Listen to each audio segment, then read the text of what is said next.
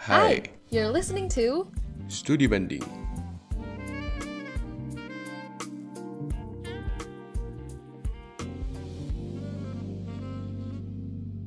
Hai guys, welcome back to another episode of Studi Banding Di mana kita studi banding ke kehidupannya orang lain. Hari ini kita bakal ngobrol-ngobrol sama seorang sosok yang dikenal sebagai Ebenezer. Bagus banget ya namanya. Kalau setahu aku artinya sampai sekarang ini Tuhan menolong kita gitu ya kok ya? Bener gak aku? Bener, dari Tata sotoy. 1 Samuel 7 ayat 12 Yoi Aduh, nah gue kenal Ko Eben ini dari kampus ya, dari UMN dan dia tuh dulu aslab gue di matkul digital photography. Nah, dulu juga kita sering ya lumayan sering ngobrol-ngobrol gitu lah ya kok. Dari habis kelas kita juga sempat ngobrol, terus habis itu sempat ketemu juga Ko Eben beberapa kali cerita dan dari situ gue tahu sih beberapa hal tentang Ko Eben dan lika-liku kehidupannya yang seru banget. Makanya hari ini gue sama Istin mau ajak ngobrol Ko Eben nih gak cuman tentang kehidupan perkuliahan atau jurusannya dia di jurnalistik, tapi juga seputar kehidupannya Ko Eben. Nah sebelum kita tanya-tanya, kayaknya kita kenalan dulu kali ya Kok. Boleh nih, Ko Eben kenalin dirinya dulu. Ko Eben Hai. sekarang lagi kesibukannya apa aja gitu-gitu. Oke, perkenalkan namaku Ebenezer boleh dipanggil. Eh, penyebutannya orang beda-beda ya. Ada Eben, ada Eben, tapi sama aja lah sudah menerima apa adanya aja. Jadi kayak Ben boleh dipanggil apa aja.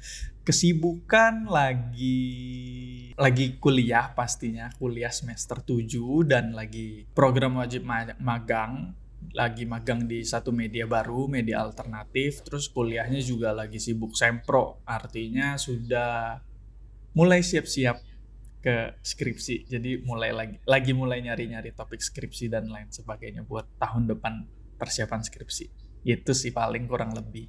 Hmm, oke oke oke. Terus kalau aku boleh kasih tahu, Ko Eben ini jurusan jurnalistik ya kok. Yes, jurusan jurnalistik. Oke, Em, mungkin kita selanjutnya tuh bakal nanya-nanya Ko Eben tentang jurnalistik ya. Tadi aku udah ngobrol-ngobrol juga sama Einstein. Ada sesuatu yang bikin Einstein kayaknya interested nih. Boleh deh di tuh, langsung ditanyain? Einstein. Oke, kan eh, tadi Koeben sempat bilang kalau Koeben sekarang lagi wajib magang dan ngambilnya di media alternatif.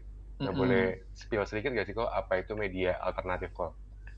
Jadi kalau media alternatif bukan eh, media itu kan yang kita tahu secara umumnya itu ada media massa ya. Nah, si media massa ini tuh itu tuh media ada yang jenisnya media mainstream. Media mainstream tuh media-media gede yang kita lihat sehari-hari di TV, di koran, di radio yang emang namanya udah gede banget yang udah jadi grup gitu dan eh, ini ber- ngomongin perbedaan mainstream sama alternatif tuh lahirnya media apa akhirnya lahir media-media alternatif itu dipicu sama tingkat kepercayaan masyarakat terhadap media sih. Maksudnya kayak beberapa dari kita tahu ya ada ada media-media online yang clickbaitnya habis-habisan gitu. Jadi Hmm, mereka hmm, ngejolnya hmm, clickbait. Jadi di era informasi digital ini kan orang makin pinter, makin berwawasan, makin banyak tahu. Jadi makin bisa ngebedain mana yang berkualitas, mana yang enggak. Dan ketika orang nyari berkualitas, akhirnya jurnalis-jurnalis yang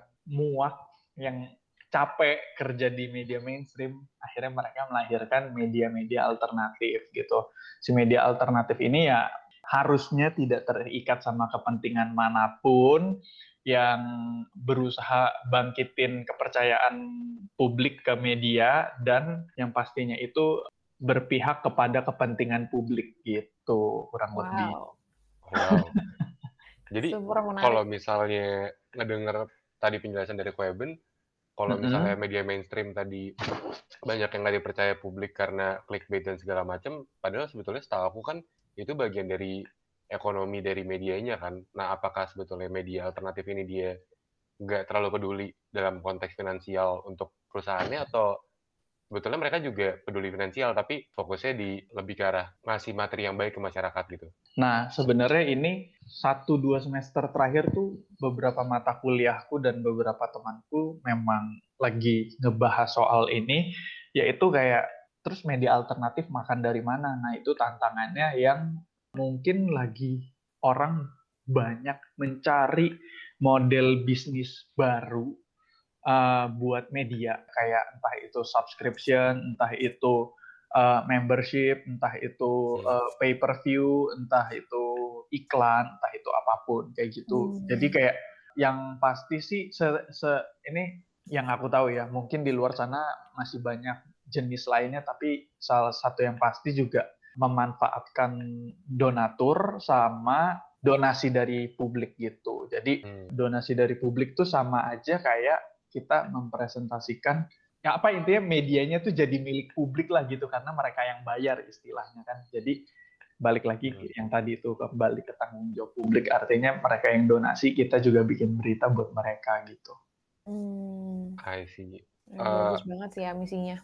Keren banget sih. Begitulah. Di pandemi sekarang makin banyak ya kok kelihatannya media alternatif ya, Pak? Makin ke sini sih makin banyak ya. Kayak misalkan yang yang berapa tahun terakhir terkenal tuh kayak Tirto pernah denger nggak? Iya, yeah. Tirto. Tirto yang kayak gitu-gitu. Dulu juga asumsi pernah, tapi sekarang ya entahlah ada, aku juga nggak ngerti. Harusnya sih asumsi bagian dari media alternatif juga, yang kayak gitu-gitulah. Hmm. Hmm. Gitu. Oke, okay. kalau ngomongin tadi media ya, kalau hmm. misalnya sebetulnya kan kalau Eber ini kan ngambil jurusannya jurnalistik ya kok. Iya. Nah, Aku mau nanya kok kalau misalnya media tadi ada media mainstream dan media alternatif, kalau jurnalistik pembagiannya gimana tuh kok? Apa sama juga? Atau dia pengelompokannya beda lagi tuh kok? Uh, pengelompokan dalam apa nih? Uh, mungkin kayak kalau finansial ada korporat, ada personal. Oh. Nah kalau misalnya oh. jurnalistik belajarnya ke arah mana nih pengelompokannya gitu? Oh iya, jadi kan kalau di di kampusku ini kan jurnalistik udah jadi jurusan sendiri ya. Tapi di dalamnya tuh nggak ada peminatannya lagi gitu. Kalau beberapa jurusan kan ada peminatannya. Walaupun di lapangannya itu jurnalis itu punya uh, bidangnya masing-masing tapi itu kayak diasah seiring berjalannya waktu gitu loh. Karena ini ini aku pernah dengar dari dosenku ya aku lupa. Pokoknya beliau tuh bilang jadi jurnalis tuh minimal harus tahu segala bidang itu 30%. Wow. Jadi meskipun kita fokus di satu bidang, uh, kita punya minat di satu bidang, tapi ketika kita disuruh misalkan ada kejadian terorisme gitu, kita tetap ngerti apa yang mau diliput dari kejadian itu. Misalkan hmm. kita yang lagi bertugas kayak gitu. Jadi punya tuntutan minimal harus tahu banyak bidang itu masing-masing 30% kuotanya gitu. Dan kalau di kampus sendiri tuh pembagiannya itu ya dari gaya liputan kita akhirnya gitu. Jadi misalkan ada mata kuliah namanya news writing, itu tuh belajar bikin hard news. Hard news itu berita berita inti lah, berita yang 300 500 kata terus semu, inti beritanya sebagian besar ada di paragraf 1 gitu 5W 1H-nya. Nah, pas mata kuliah itu dapat tugas buat ngeliput kan. Nah itu tuh liputannya dibebasin, nggak nggak dikotakin harus liputan apa gitu. Hmm. Nah itu kan mata kuliah semester 2 atau semester 3 ya, masih eh semester 2 masih awal tuh. Jadi kayak aku pribadi mulai menjurus tuh kayak ah liputannya ke warung, ke apa Pak Ogah yang di pertigaan, hmm. yang ngarang-ngarahin jalan kayak gitu-gitu. Sampai akhirnya pas di semester 3 itu tuh masuk ada mata kuliah elektif. Nah, di elektif ini baru ada peminatannya ada sports journalism, ada humanitarian oh, journalism, oh. ada digital fact checking, ada uh, environmental journalism, ada diversity. Nah, akhirnya di semester 3 itu aku ngambilnya humanitarian karena memang fokusku akhirnya masuk ke kemanusiaan jadi jurnalisme kemanusiaan gitu oh. tapi bidangnya banyak banget banyak banget ada biologi kesehatan bisnis terus ya itu tadi yang elektif elektif aku sebutin beberapa hmm. kayak gitu kurang lebih oke oke berarti pembagiannya lebih kayak per bidang kayak finance terus uh, ada yang seputar kesehatan sports gitu-gitu ya ya kalau kok Eben ini berarti arahnya lebih ke peliputan kemanusiaan yang kayak tadi kok Eben yes. bilang ya oke okay. yang kayak. Pak cerita tentang Pak Oga cerita mendalam gitu kali ya, hmm. ya kok berarti ya Iya. Yeah. Oke oke oke. Aku mau nanya sih kok. Kan Koko bilang nih udah pernah uh, ngeliput cerita-cerita tentang yang Pak Oga, tentang seputar kehidupan mm -hmm. manusia gitu ya. ada nggak sih kok pengalaman koko paling berkesan waktu ngeliput atau nulis gitu? Oh, uh, jadi tuh tadi kan aku bilang ada yang namanya hard news ya. Hard news itu kan 300 sampai 500 kata. Mm-mm. Nah, selain hard news itu ada yang namanya uh, soft news, bentuknya bisa feature, bisa pokoknya yang kayak tulisan panjang lah, bisa 700 kata, 1000 kata, kayak Oh. gitu-gitu. Nah, itu tuh eh, aku lumayan seneng ngerjain kayak begitu, tapi sejauh aku kuliah sampai hari ini, ini yang aku inget ya, banyak banget liputan favorit, tapi yang aku inget itu eh, satu di mata kuliah reportase dan wawancara, interview and reportage itu tugas akhirnya adalah disuruh meliput eh, apa ya pe- eh, pekerja kerah biru kalau nggak salah Oh. pekerja kerah biru itu kan yang yang intinya yang bukan karyawan lah gitu. Nah, terus aku sama kelompokku itu kami dapat ide untuk meliput tentang eh, dua orang. Yang satunya ini penjaga kuburan, Wow, yang satunya lagi itu dukun anak. wow. Nah, terus akhirnya eh, kami ngeliput tuh, ngeliput ke dua yang menjaga kuburan itu bapak-bapak udah lansia, udah lanjut usia, dan yang satunya lagi tuh mantan dukun anak itu. Aku lupa deh nama sebutannya. Bentar-bentar. apa- Ada Kamu sebutan. dapet kontaknya dari mana? Dapet linknya dari mana? Terus kok bisa kepikiran untuk Nah, ajak ngobrol itu- dukun anak gitu? Kok random banget? itu salah satu itu salah satu yang seru. Jadi Wow. sebelum pandemi itu itu kami keliling naik motor terus nanyain sekitar sini ada dukun anak gak ya nekat nekat aja bener-bener nekat kalau kalau orang kan bisa googling bisa apa ya kami bener-bener kayak datang ke satu gang masuk ke desa Wow. Terus bener-bener nanya, sekitar sini ada dukun anak atau enggak oh udah pindah ke sini ke sini akhirnya dicari-cari ketemu Wow. itu bener-bener random. Terus kalau yang yang yang yang penjaga kuburan itu ya memang kayak udah milih satu gang gitu loh. Oh di gang dekat sini nih ada kuburan, coba kita cari yuk. Mungkin eh, yang jagain mau diinterview gitu. Nah akhirnya kami berhasil interview. Hasil laporannya itu dalam bentuk tulisan itu masing-masing ngerjainnya. Jadi bukan tugas kelompok kayak wawancaranya doang per kelompok, tapi hasil liputannya sendiri-sendiri dengan angle masing-masing gitu kan. Nah, akhirnya aku menulis itu kalau nggak salah judulnya itu kehidupan dan kematian di tangan mereka yang bukan Tuhan. Wow. Jadi kayak aku aku ngambil angle eh, setiap pokoknya gimana sih rasanya kita kesehariannya bekerja itu bertemu dengan kehidupan dan kematian, tapi kita bukan Tuhan gitu. Hmm. Jadi kayak apa sih yang kita rasain dan ternyata mereka yang berurusan dengan itu adalah pekerja kerah biru gitu loh yang nggak nggak ada UMR penghasilannya nggak tetap kayak nggak ada jaminan Hmm. gitu-gitu. Nah terus liputan kedua itu yang semester 3 yang elektif humanitarian itu aku bikin video singkat 3 sampai 5 menit itu tentang perjalanan seorang anak didik di LPKA atau Lembaga Pembinaan Khusus Anak di Tangerang.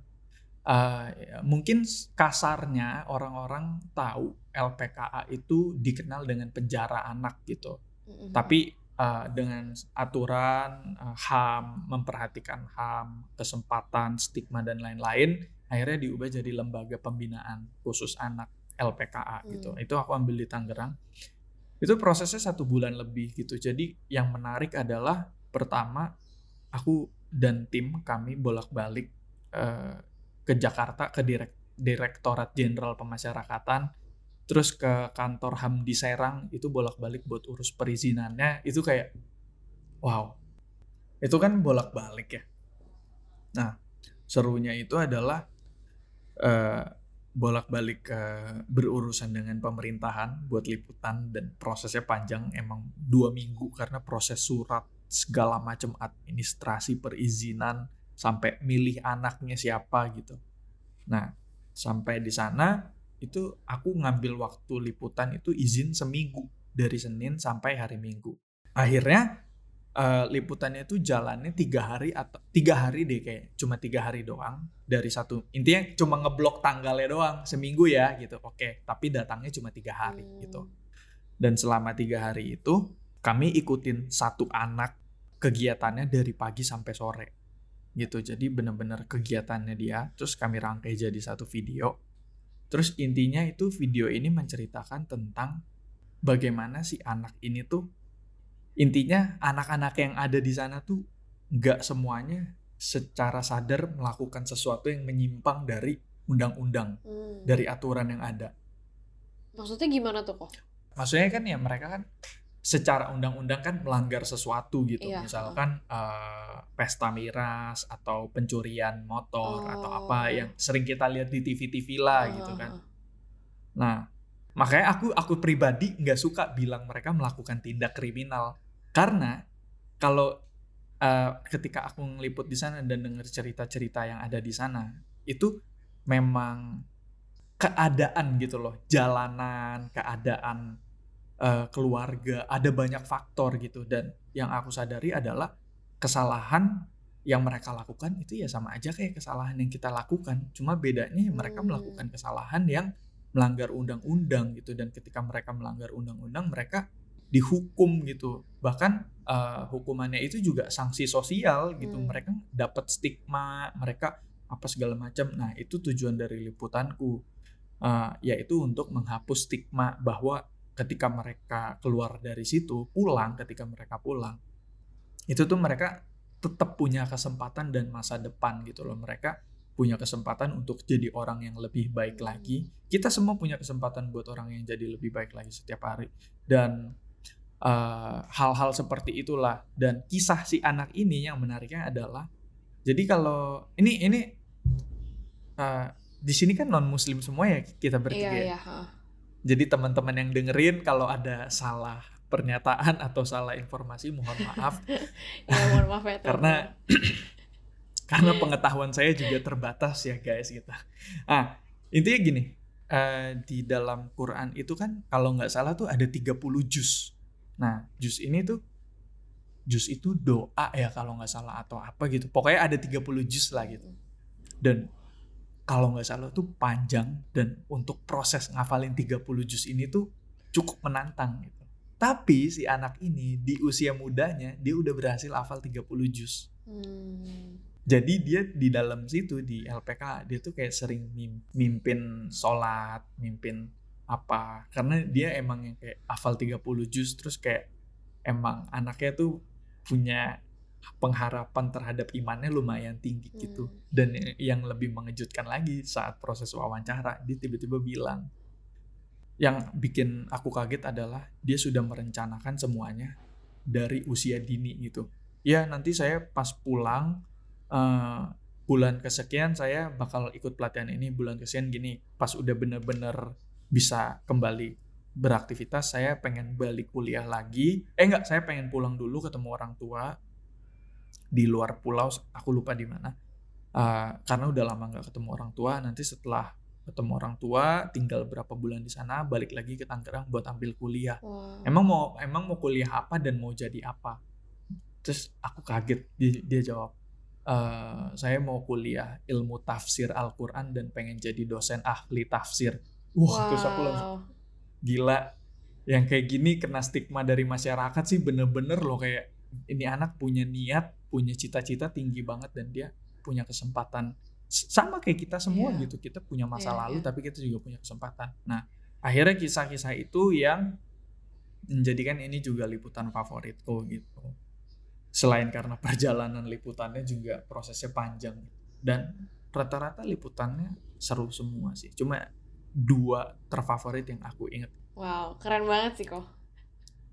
aku dari denger waktu itu aku juga sempat nonton video yang peliputan kue bening itu ya kalau nggak salah ya. yang mana tuh Yang video hasil peliputan yang tadi koko ceritain itu. Oh iya, Iya, iya, benar. iya, ada di in- Insta Storyku. Eh di IGTV. Mhm. Ya. Iya dan itu emang bener sih yang Koeben bilang ya.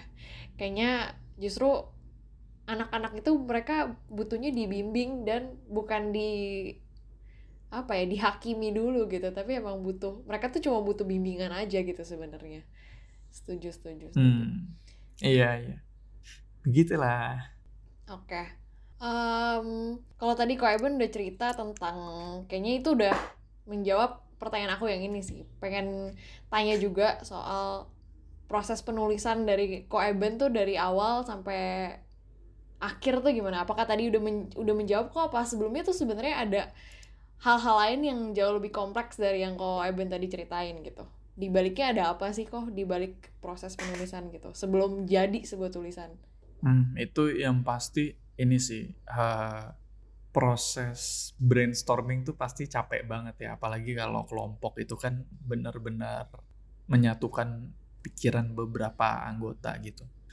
Dan proses mencari di mana kepentingan publik gitu loh. Kayak bagian mana yang menjadi kepentingan publik dan masyarakat tuh harus tahu harus ngeliat gitu. Terus kayak apa kisah yang bisa diangkat dari uh, permasalahannya tuh bener-bener ada atau enggak gitu. Jadi kayak nyari permasalahannya gitu loh. Bukan permasalahan yang bikin-bikin, tapi uh, yang beneran ada di lapangan gitu. Dan kadang kita nggak sadar. Terus yang sulit adalah dari proses liputan, proses menulis dan lain-lain adalah kayak gini. Uh, ini ini dari supervisor magangku ini keren banget. Jadi kayak sekarang ini kan aku menceritakan tentang ceritaku. Nah, yang menariknya dan yang menjadi tantangan adalah ketika kita ngeliput, itu tuh kita, kami, para jurnalis itu menjadi lidahnya mereka yang uh, apa ya, yang nggak terdengar suaranya. Hmm. Tapi bagaimanapun itu ceritanya mereka, bukan ceritaku.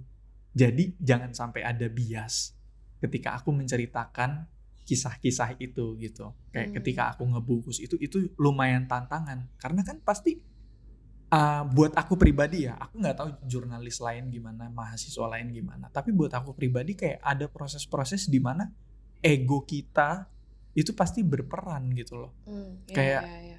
ah kalau cerita gini kayaknya bagus deh. Kalau cerita gini kayaknya bagus. Nah itu tuh kayak balik lagi. Ini cerita punya dia, punya si narasumber, punya orang itu buk ini bukan ceritaku aku cuma pengantarnya doang gitu kayak bagaimana cerita ini akan diangkat. Tapi semuanya tuh balik lagi ini secara keseluruhan ini adalah kisahnya dia gitu. Jadi mencari perspektif itu juga tantangan sih. Dan ketika wawancara itu udah selesai kan uh, banyak banget informasi keren dari narasumber informasi yang super bagus gitu loh. Hmm. dan hmm mengeliminasinya tuh lumayan bingung gitu loh.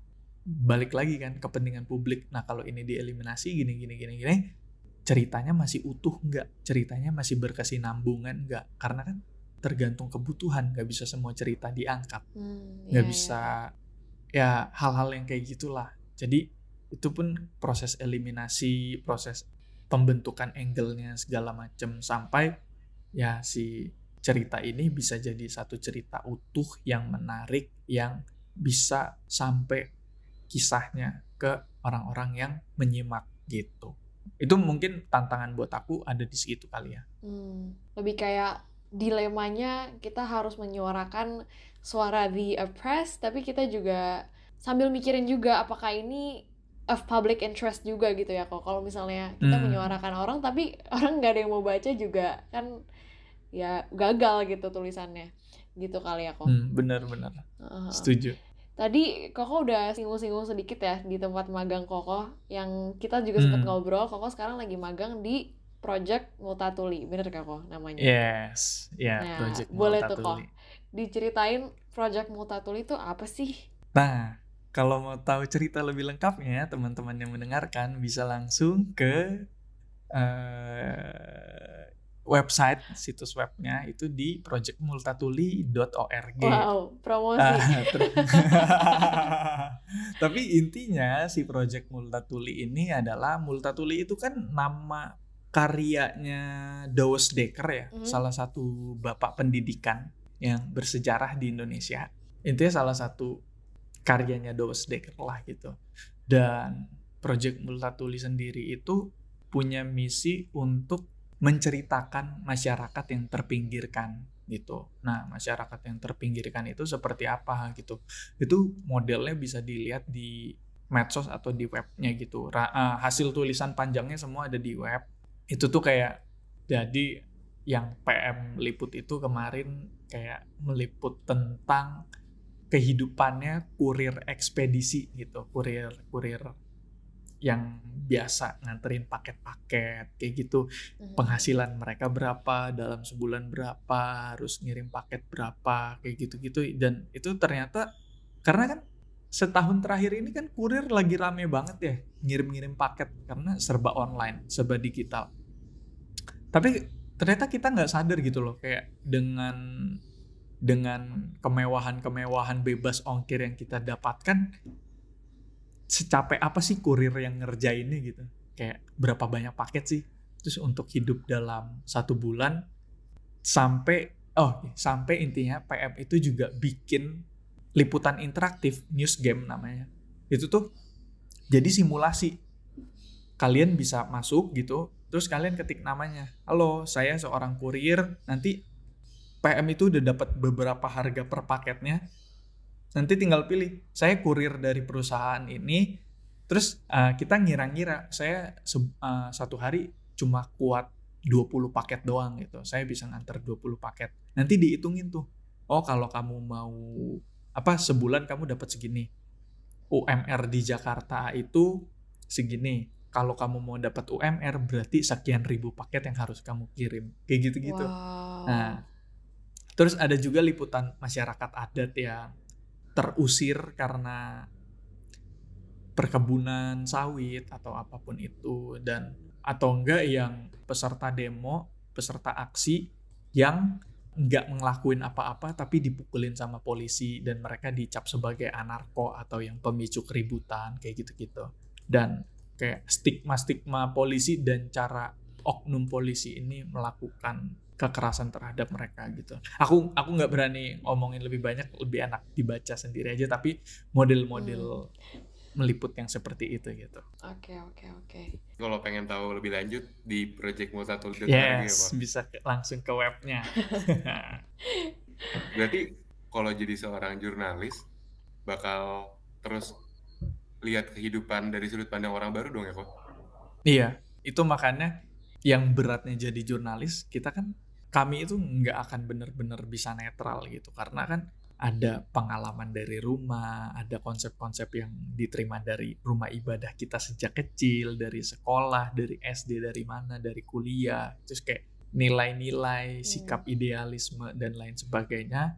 Terus tiba-tiba ketemu narasumber, terus kalau pernyataan dia berseberangan den- dengan nilai kita, nah itu kan juga jadi tantangan-tantangan baru kan. Nah, itu kenapa Hmm, iya benar. orang yang benar. jadi jurnalis itu harus tetap skeptis, harus tetap terbuka pikirannya buat nerima berbagai macam informasi yang akan datang. Terus si skeptisismenya ini juga berfungsi supaya nggak cepet-cepet ngambil kesimpulan, ngambil keputusan, nggak cepet-cepet ngeberitain sesuatu, baru dengar satu hal langsung diberitain. Nah itu kan salah kayak harus ada uh, konfirmasinya dulu pembenarannya. Ini bener nggak nih kejadiannya gini dari narasumber yang terpercaya itu. Eh, kayaknya kok Eben passionate banget, semangat banget buat eh, sharing gitu. Proses dari awal nulis bahkan dari awal ngeliput sampai akhir bahkan bahkan kok Eben kayak mau cerita every little details yang bisa diceritain gitu kok. Aku ngeliat Iya, kayak iya, iya. jadi suatu keasikan sendiri gitu untuk kok Eben. Eh, sebetulnya kok Eben sendiri tuh udah dari awal nih pas mau masuk jurusan jurnalistik udah eh, ngincer nih, oh kayaknya jurnalistik asik prosesnya seperti ini dan kayak gue cocok di sana atau sebetulnya yang tadi Ko Eben ceritain eh, sembari berjalan Ko Eben baru akhirnya tahu oh seperti ini jurnalistik gitu dan kenapa gitu di awalnya akhirnya pengen masuk jurnalistik kok Hmm. Jadi ini tuh apa ya? Aku kan udah udah pernah kuliah lagi ya. Eh udah pernah kuliah lagi. Aku tuh sebelum ini udah pernah kuliah. Nah itu tuh kuliahnya itu kan jurusan teologi gitu. Dan kenapa aku ngambil jurusan itu? Karena aku tuh dulu pengen jadi misionaris gitu kayak Hmm. ada satu ketertarikan eh, bahwa aku tuh senang banget ngobrol, ketemu orang, eh, terus kayak ngelakuin segala sesuatu yang bisa aku bantu gitu. Bahkan kayak aku punya kepercayaan senyuman kita sekalipun itu salah satu bantuan terbesar yang bisa kita berikan buat orang lain gitu. Wow. Kayak aku tuh senang banget sama hal-hal kayak gitu dan di samping aku juga masih banyak kurangnya gitu maksudnya kayak bukan berarti aku senyum terus senyum senyum melulu gitu loh kayak aku juga ada marahnya ada bete-nya kayak gitu ya cuma maksudnya aku senang berinteraksi sama orang intinya gitu dan ketika kuliah itu aku cuma bertahan dua semester gitu alasan bertahannya karena dua hal aku harus kerja dulu yang pertama dan yang kedua karena ternyata nilai-nilai di kampus itu nggak sesuai sama nilaiku gitu waktu itu ya hmm. masih usianya idealis garis keras lah gitu. Pokoknya aku idealis. harus mendapatkan yang aku mau gitu kan. Nah, singkat cerita 2017 itu uh, dapat kabar bisa kuliah lagi gitu. Dan salah satu pilihannya itu jatuh ke jurnalistik. Nah, kenapa jurnalistik gitu? Sampai akhirnya kepilih jurnalistik itu karena suatu hari uh, di 2000 2015 2016 sekitar bulan Agustus itu aku ngobrol sama teman SMA aku uh, waktu itu kami sama-sama suka motret dan motretnya kemanusiaan gitu street fotografi humanitarian yang kayak gitu gitu wajah-wajah orang. Terus aku nyeletuk lagi di chat. Aku bilang uh, cuy gue pengen ngelakuin sesuatu ke masyarakat tapi gue nggak punya duit gue nggak punya kemampuan gue nggak punya apa-apa. Gue bisa apa coba? Gue nggak tahu apa yang bisa gue kasih. Jadi kayak nyari waktu susah nyari duit nggak punya apalagi ini itu segala macem tiba-tiba dia bilang eh ini ber gue abis ikut kegiatan ini di Jakarta jadi relawan fotografer gitu nah itu dia cerita akhirnya ikut kegiatan namanya kelas inspirasi Terus akhirnya aku kepoin kelas inspirasi. Nah, paling atas itu aku ketemu kelas inspirasi Boyolali gitu. Aku nggak tahu kan Boyolali di mana. Terus akhirnya kalian tahu nggak Boyolali di mana? Somewhere Jawa di Jawa Tengah ya. yes, betul. Aku cuma tahu itu doang. nah, akhirnya tuh ketika aku kepoin gitu, tagline mereka tuh gini, anak gunung Merapi meraih mimpi. Terus aku mikirnya, Gunung Merapi wah deket Jogja berarti ya udah aku patokannya itu aja gitu kayak ah, berarti deket Jogja ya udah aku ajak temanku ke sana kayak ke sana yuk gitu wow. langsung aku paksa berangkat. Langsung berangkat nggak kenal siapa-siapa berduaan doang jalan ke sana naik kereta. Nah dari situlah perjalananku muncul lagi gitu kayak uh, akhirnya itu kan ke sekolahan gitu ya terus kayak ngajarin anak-anak. Aku waktu itu belum ngajar sih masih jadi dokumenter gitu. Dan dari situ akhirnya uh, pandanganku terbuka gitu kayak aku seneng sesuatu yang berbau pendidikan yang kemanusiaan yang berinteraksi sama orang aku pengen jadi tenaga pengajar aku pengen jadi seorang pengajar kayak gitu-gitu dan akhirnya dari situlah muncul oh media gitu waktu itu kan uh, aku juga mikir kayak sebelum jadi pengajar ada satu hal yang bisa mempengaruhi banyak orang. Dan kalau hal ini digunakan dengan tepat, dampak yang dihasilkan juga tepat gitu. Baik, ah, nggak bisa dibilang baik lah, ya tepat lah gitu. Nah, hal ini adalah media gitu. Akhirnya aku mikir, kalau aku belajar jurnalistik, aku belajar caranya bikin cerita, belajar belajar caranya uh, manage media, manage cara liputan, pemberitaan kayak gitu-gitu dan kalau aku bisa memanfaatkan itu sesuai dengan nilai dan kepentingan yang ada gitu. Aku bisa menghasilkan berita yang mengedukasi masyarakat. Waktu itu mikirnya gitu. Nah, akhirnya jatuhlah pilihan itu ke jurnalistik gitu. Awalnya berarti malah dari fotografi ya kok. Habis itu set set set dibukain jalannya ke jurnalistik sama Tuhan ya. iya, tiba-tiba Wah, iya iya. Aku tuh merencanakan tapi ngikutin arus juga lah gitu. Jadi kayak kehidupan ngarahinnya ke mana aja gitu. Wow, keren banget sih kok. Aku ngelihat ko Eben ya, yang membuat aku kagum adalah your burning passion to help people gitu loh. Kalau aku sebelum ngobrol sama ko Eben, aku melihat kayak menolong orang itu bukan gimana ya, itu harus, tapi maksudnya kayak aku pasti berpikir untuk menolong diriku dulu sebelum aku menolong orang lain gitu loh Hmm, dan iya. aku ngelihat ko Eben kayak pikiranku jadi terbuka gitu loh. Menolong orang itu bukan sesuatu yang jadi tambahan dalam hidup kita seharusnya tapi jadi lifestyle kita gitu loh. Gimana ko Eben bahkan dari situ dari passion Koko untuk men- menolong orang itu menjadi profesi Koko. Jadi apa yang Koko benar-benar mau kerjain dan apa yang apa ya Mm-mm. jadi what makes you feel alive gitu dengan nolong orang. It's amazing sih dengerin Koko cerita dari tadi. Dan aku juga mau tanya sih kok sebenarnya. Kan. Koko journey-nya dari kuliah pertama kali sampai Koko hadir di jurnalistik di dunia tulis menulis yang kayak. Koko juga passionate banget di situ. Itu kan butuh perjalanan yang sangat panjang kan? Dan tentunya banyak yang Koko harus korbankan juga gitu. Termasuk ya kayak eh, waktu Koko gitu di- eh, tahun-tahun di mana Koko harus bekerja dulu terus baru Koko masuk kuliah dan sekarang Koko harus kuliah juga sama anak-anak yang jauh lebih muda daripada Koko gitu kan Mm. nah gimana tuh kok rasanya kuliah sama anak-anak yang jauh lebih muda Oh, kayaknya aku belum pernah cerita ke kalian deh. Salah satu alasan aku pengen balik kuliah.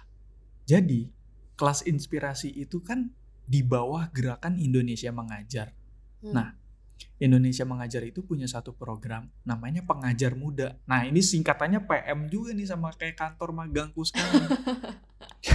Jadi si Pengajar Muda ini kan kegiatan yang ngirim anak-anak muda yang udah di yang mendaftar terus udah lewat proses ini itu segala macem eh, dikirim selama satu tahun ke daerah penempatan gitu beberapa daerah di Indonesia buat eh, itu jadi pengajar muda ngelihat kebutuhan di daerah sana segala apa sebagainya gitu dan lainnya.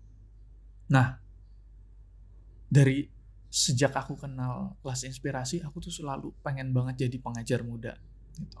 Tapi aku nggak bisa daftar gitu. Kenapa? Karena tuh salah satu persyaratan utama jadi pengajar muda adalah S1 sarjana. Hmm. akhirnya itu sejak 2016 sampai 2018 aku balik kuliah itu tuh setiap ada rekrutmen kan setahun ada dua rekrutmen. Itu aku nangis nangis di kamar. Wah. saking aku nggak bisa ngajar dan aku pengen banget gitu. Akhirnya pas dikasih tahu jadi aku tuh dapat dapat pilihan antara mau kerja atau mau kuliah. Hmm. dan aku bilang ke mamaku mah ini yakin nih mau kuliahin? Karena kalau Eben kelar kuliah Eben langsung daftar jadi pengajar muda loh langsung setahun dikirim ke pedalaman kayak gitu gitu kan. Terus itu tuh eh, akhirnya kayak ya udah kuliah aja gitu dan akhirnya itu jadi salah satu yang memicu aku semangat banget buat kuliah gitu kayak pengen banget cepetan ngelarin gitu Eh, itu juga yang menjadikan aku sangat menikmati segala prosesnya gitu loh. Walaupun di samping itu ya aku juga ada kekhawatiran, buset lulus kuliah udah mau 26 atau 27 gitu. Tahun ini kan 26 kan. Iya, iya berarti tahun depan 26 menjelang 27 aku wisudaan gitu. Tapi di satu sisi ya dari semua cerita yang aku ceritain tadi, aku bisa begitu menikmati gitu loh. Dan kalau ditanya kenapa ya nggak tahu itu titik di mana kita menemukan gairah hidup itu kayak ketika kita menemukan sesuatu yang ngebakar jiwa kita sampai bener-bener kita semangat tuh ya kalau kita nggak ngelepas itu kita bakal dibawa berpetualang ke banyak hal yang nggak pernah kita duga gitu. Yang sampai pada akhirnya sekarang nih aku lagi deg-degan gitu. Kayak tahun depan aku lulus pengen jadi pengajar muda. Tapi akhirnya tujuan awalku kuliah itu buat jadi daf- buat daftar pengajar muda. Tapi akhirnya sekarang ya pengajar muda bukan udah nggak jadi tujuan utamaku walaupun nanti aku bakal tetap daftar gitu. Karena apa dari perjalanan yang sebelumnya yang aku kecil mau jadi musisi gitu tiba-tiba fotografer. Fotografi pun aku berawal dari stage fotografi motoin panggung gitu. Tiba-tiba jadi motoin orang jadi motoin kemanusiaan tiba-tiba jadi jurnalistik. Kan nggak ada yang tahu ya jadi aku tetap punya keinginan besar buat jadi pengajar muda. Tapi ketika nanti itu nggak keterima atau ternyata jalannya nggak ke sana aku mungkin kecewa tapi persentasenya nggak segede itu. Karena aku udah siap buat petualangan hmm. lainnya gitu. Artinya ada hal lain yang bakal aku lakuin gitu. Itu sih apa kalau ditanya kenapa aku bisa sampai menikmati gitu. Karena mungkin ini sih uh, aku pernah dengar dari salah satu salah satu leadernya pengajar muda eh direkturnya. Dia dia bilang kalau kalau lukamu belum kerasa sakit artinya mimpimu belum setinggi langit. Wow. Nah, itu makanya kayak wah aku senang banget bermimpi deh, bercita apa, apa aku senang banget mimpi setinggi mungkin gitu. Itu sih yang bikin aku enjoy karena di samping mimpi itu segala kekecewaannya juga jadi petualangan yang menarik gitu. Hmm. Gitu guys. Aku amazed banget sama gimana cara kayak bercerita. Soalnya kayak kerasa banget gitu kok passionnya. Nggak tahu kenapa. Uh, jadi bener, jadi kita lembar aja gitu loh. Gue jadi mikir juga Tin aduh apa gue terlalu santai aku kayak gue nggak nggak kayak Koeben gitu. So passionate itu gitu. Gue jadi ngerasa terlalu terlalu egois gitu cek soalnya Koeben tuh sangat setiap kata-kata itu kayak buat orang lain gitu bukan buat diri sendiri. iya bener bener. Aduh. Tapi ya apa ya podcast ini juga bagian dari hidup kalian lah. Jadi ya petualangan lah setiap petualangan kita beda-beda gitu kan. Oh ya kok aku penasaran nih kok. Pas kok Eben mau usia akhir untuk kuliah lagi pasti ada kepikiran tentang usia juga dong ya kok kayak tahun depan gue lulus udah umur 27 nih. Padahal teman-teman yang lain biasa kan pada pengen merit umur 27 umur 28 gitu. Uh -uh Nah, ada juga kali aku yang udah ngirimin kayak benundangan nikah gitu. udah, udah, udah, ada. Uh, aku sama Keten memang belum nyampe stage itu kok, tapi kita penasaran kayak gimana sih 5 sampai 6 tahun lagi di stage itu dan di antara teman-teman lain yang mungkin udah fokus ke gimana hmm. bikin keluarga, mikirin masa depan. Sementara kayak Beni kalau aku lihat ya masih penasaran untuk ngulik sama kasihkan yang sekarang gitu. Iya bener-bener. Tapi ya emang wah gile berat banget guys, berat banget. Apa kalau dibilang berat berat banget walaupun ya mau jutaan kali orang bilang ya fase setiap kehidupan tuh beda-beda. Tapi maksudnya ya fakta lapangannya ya ketika kita dihadapkan dengan pembandingan diri ya mau kita semindful apa pun ya ketika kita sedang membandingkan diri ya itu momentum berat yang harus bisa kita nikmati gitu loh. Tapi ya yang aku hadapi adalah uh, aku udah dapat undangan udah. Temen itu salah satu temen ngeband aku pas SMP terus uh, teman-temanku yang lain juga yang nikah udah banyak.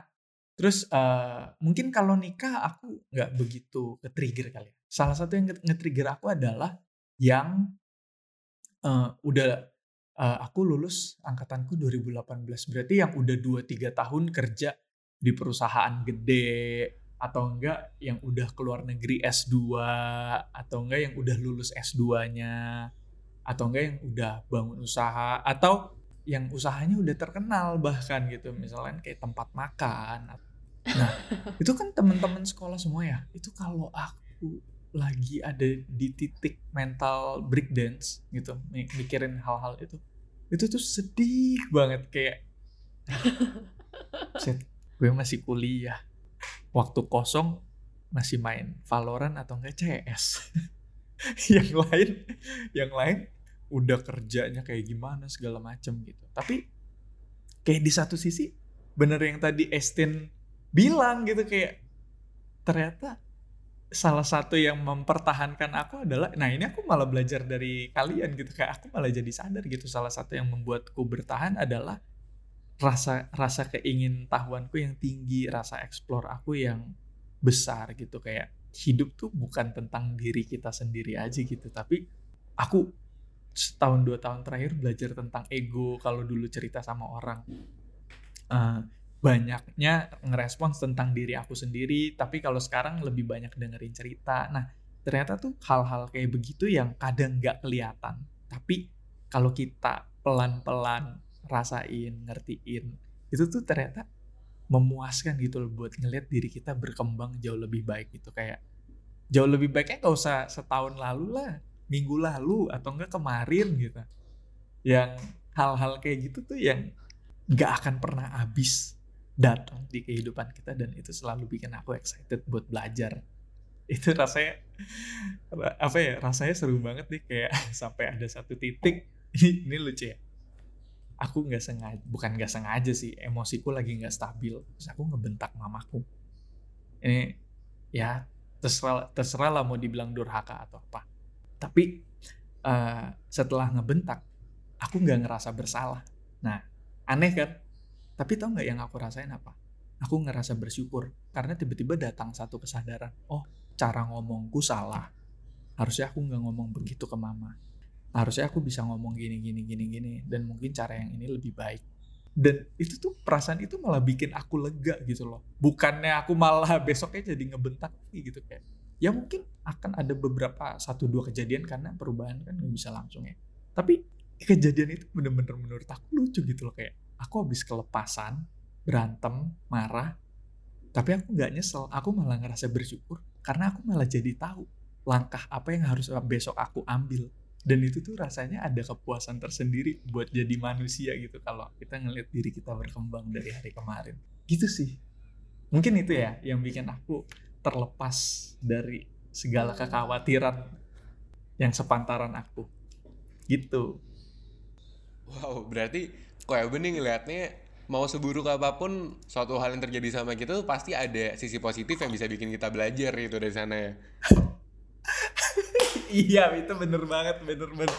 Aku jadi inget aku tuh pernah nulis uh, se, se, sebentar apa pun pertemuan kita dengan seseorang terus se, sedikit apa pun impresinya. Jadi kayak mau kita ketemu orang bentar doang mau itu tiba-tiba jadi musuh itu ah, bukan jadi musuh maksudnya mau itu udahannya berantem atau ternyata kenangan yang gak enak, menurutku itu tetap jadi sesuatu yang positif dalam artian itu jadi pengalaman. Keren banget kok. Kalau misalnya ditanya nih kok sekarang, kok udah menemukan ikigai kok belum sih? Ikigai, ah ini menarik karena dari dari cerita dari ceritaku kan berbicara tentang kemanusiaan ya dan berbicara tentang kemanusiaan emang kalau hmm. kerja di bidang ini mau makan apa gitu? Iya. Nah beberapa tahun lalu tuh aku tes ikigai. Nah, hasilnya tuh bener-bener bikin aku mikir bikin aku sedih. Waktu itu aku belum kuliah dan hasil tes ikigai. Aku lupa deh bentuk tes ikigai itu gimana. Tapi yang aku tangkap adalah intinya aku mengerjakan sesuatu yang aku suka sesuai dengan idealisku. Tapi itu nggak menghasilkan uang itu nggak ngasih aku makan karena waktu itu aku masih aktif di komunitas kan. Hmm. Nah, akhirnya uh, beberapa pekan lalu aku ada ikut sesi mentoring gitu sama salah satu aktivis LinkedIn. Beliau ini kayak HR gitu, terus kayak emang suka mentoring anak-anak muda. Terus aku daftar keterima mentoring berempat doang. Itu ada tes ikigainya. Terus pas aku lihat tes ikigainya, ternyata poin-poinnya tuh udah mulai seimbang. Kayak aku ngerjain sesuatu yang aku suka tidak terlalu idealis, lebih adaptif. Dan itu menjawab permasalahan. Dan itu menghasilkan uang. Dan aku bisa makan dari situ. Cukup lah gitu. Hmm. Nah, dari situ ya itu mungkin jawabannya mungkin belum seimbang tapi sudah mulai menemukan titik imbangnya di mana. Tuh jadi hampir ikigai bukan hampir masih jauh cuma ya sedang menuju ke sana.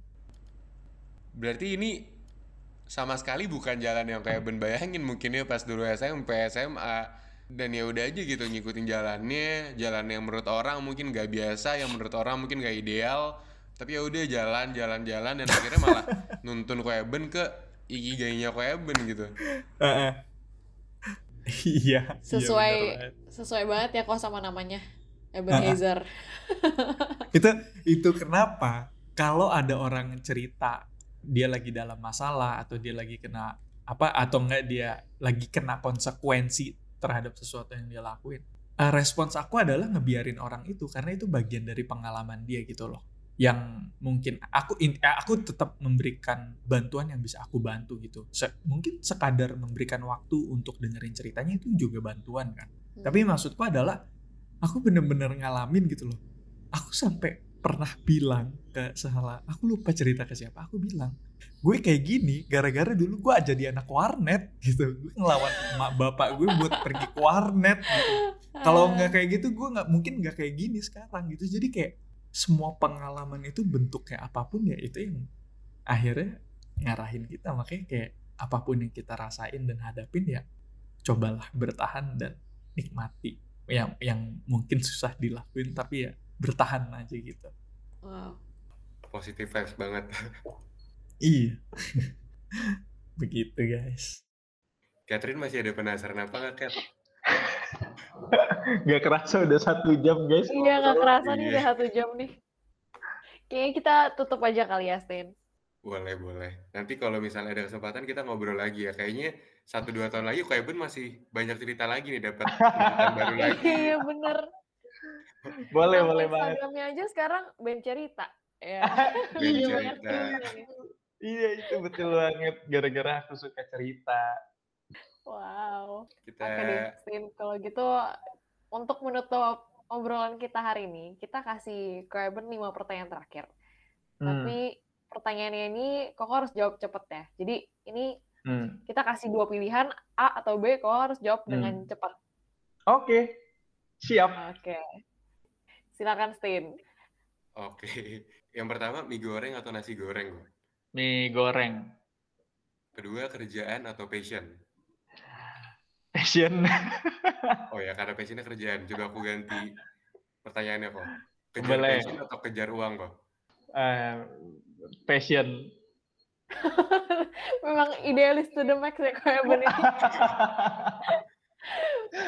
Berikutnya kok, pacar atau Ah. kerjaan? Eh, kerjaan. Oh, Wow. Eh, nulis banyak artikel atau satu artikel tapi mendalam?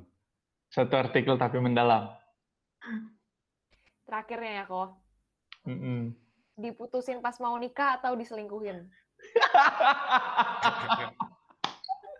ah. Ah. Ketawanya lepas kok. Kayaknya pengalaman ya kok. eh jangan Sin, jangan. Eh, diselingkuhin aja deh. Waduh. Mendingan diselingkuhin ya, Bu. Aduh. Soalnya kalau diputusin pas mau nikah ya itu kan kayak udah mempersiapkan komitmen tiba-tiba lah kentang gak jadi lebih sedih. Iya benar benar benar. Aduh.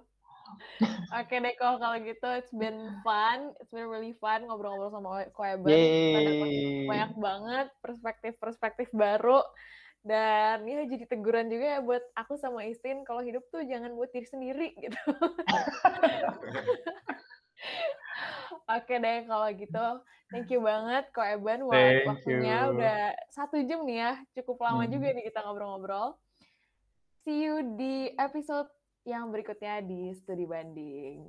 Yeay, dadah guys. Thank you.